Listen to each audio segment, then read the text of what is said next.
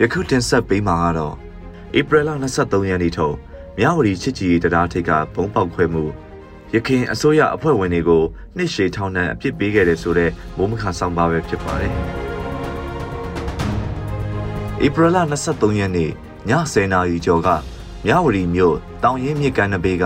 နှစ်နိုင်ငံချစ်ကြည်ရေးတရားထိပ်မှာပောက်ကွဲအားပြင်းထန်တဲ့ဘုံတလုံးပောက်ကွဲခဲ့ပြီးအဆောက်အဦပျက်စီးခဲ့ပေမဲ့ ဒဏ်ရာရသူအသက်ဆုံးရှုံးမှုရှိတဲ့တဲ့တော့မကြားသိရပါဘူး။ပောက်ကွဲမှုက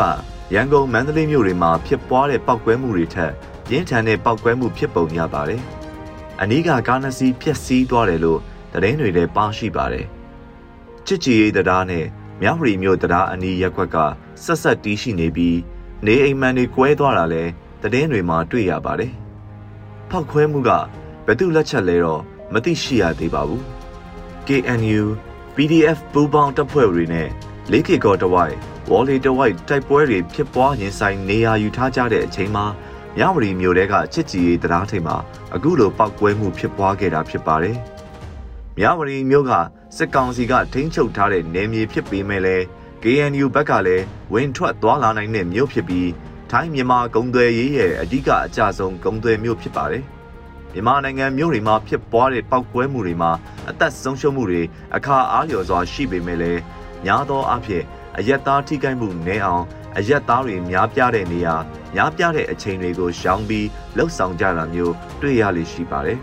။ကရင်ပြည်နယ် KNU တပ်တွေလှုပ်ရှားတဲ့အချို့သောမွန်ပြည်နယ်နဲ့ပဲခူးတိုင်းကဒေသတွေမှာလက်နက်ကင်တိုက်ပွဲတွေဖြစ်ပွားနေတာမို့လို့မြို့ပေါ်မှာလည်းပောက်ကွဲမှုတွေဖြစ်ပွားလာတာလို့ ရေဘူးရအားဖြင့်ကောက်ချက်ချရမယ်ထင်ပါတယ်။ဒီကနေ့အဖို့အခြားသတင်းတွေကတော့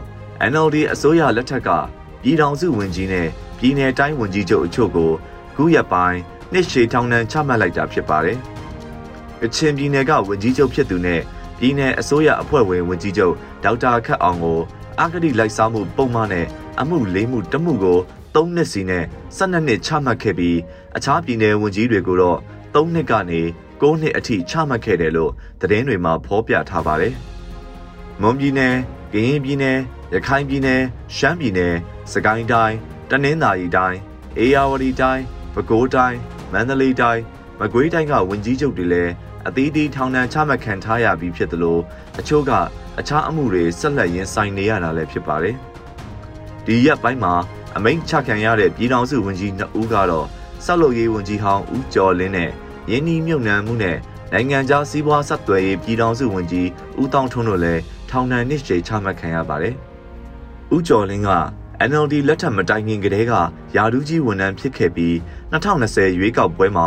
NLD ပါတီရဲ့လွတ်တော်ကိုယ်စားလှယ်အဖြစ်ဝင်ရောက်ရွေးခံခဲ့လို့အခုလို NLD ပါတီကိုယ်စားလှယ်ဖြစ်ခဲ့တာအပေါ်အညှိုးထားပြီးနှစ်ရှည်ပြစ်ဒဏ်ချမှတ်တာလို့ယူဆနိုင်ပါတယ်။အာဂတိလိုက်စားမှုပုံမှန်တွေနဲ့ စုစုပေါင်းထောင်ဒဏ်နဲ့20ချမှတ်ခဲ့တာဖြစ်ပါတယ်။သူနဲ့အတူဆက်လုပ်ရေးဝန်ကြီးဌာနကအခြားသောညွန်ချုပ်ဟောင်း3ဦးလည်းထောင်ဒဏ်ချမှတ်ခံရပါတယ်။အခြားပြည်ထောင်စုဝန်ကြီးတဦးဖြစ်တဲ့ဦးတောင်ထွန်းကိုလည်းအာဂတိလိုက်စားမှုပုံမှန်နဲ့ပဲထောင်ဒဏ်9နှစ်ချမှတ်ခြင်းခံရပါတယ်။ဒီလိုနှစ်ရှည်ပြစ်ဒဏ်တွေချမှတ်ခြင်းဟာဥပဒေပိုင်းအရအပြစ်ရှိတဲ့ဆိုတာထက်အာဏာသိမ်းဖြုတ်ချခံလိုက်ရတဲ့ NLD အစိုးရအဖွဲ့ဝင်တွေကိုနိုင်ငံရေးဖမ်းဆီးထိန်းသိမ်းတာကို ဥပဒေနဲ့အညီလုပ်တာလို့သက်သေပြဖို့အတွက်တရားရုံးတွေတရားစွဲအဖွဲ့အစည်းတွေကိုစစ်ကောင်စီကခိုင်းစေညွှန်ကြားတာလို့သာအများကယူဆထားကြတာလည်းဖြစ်ပါတယ်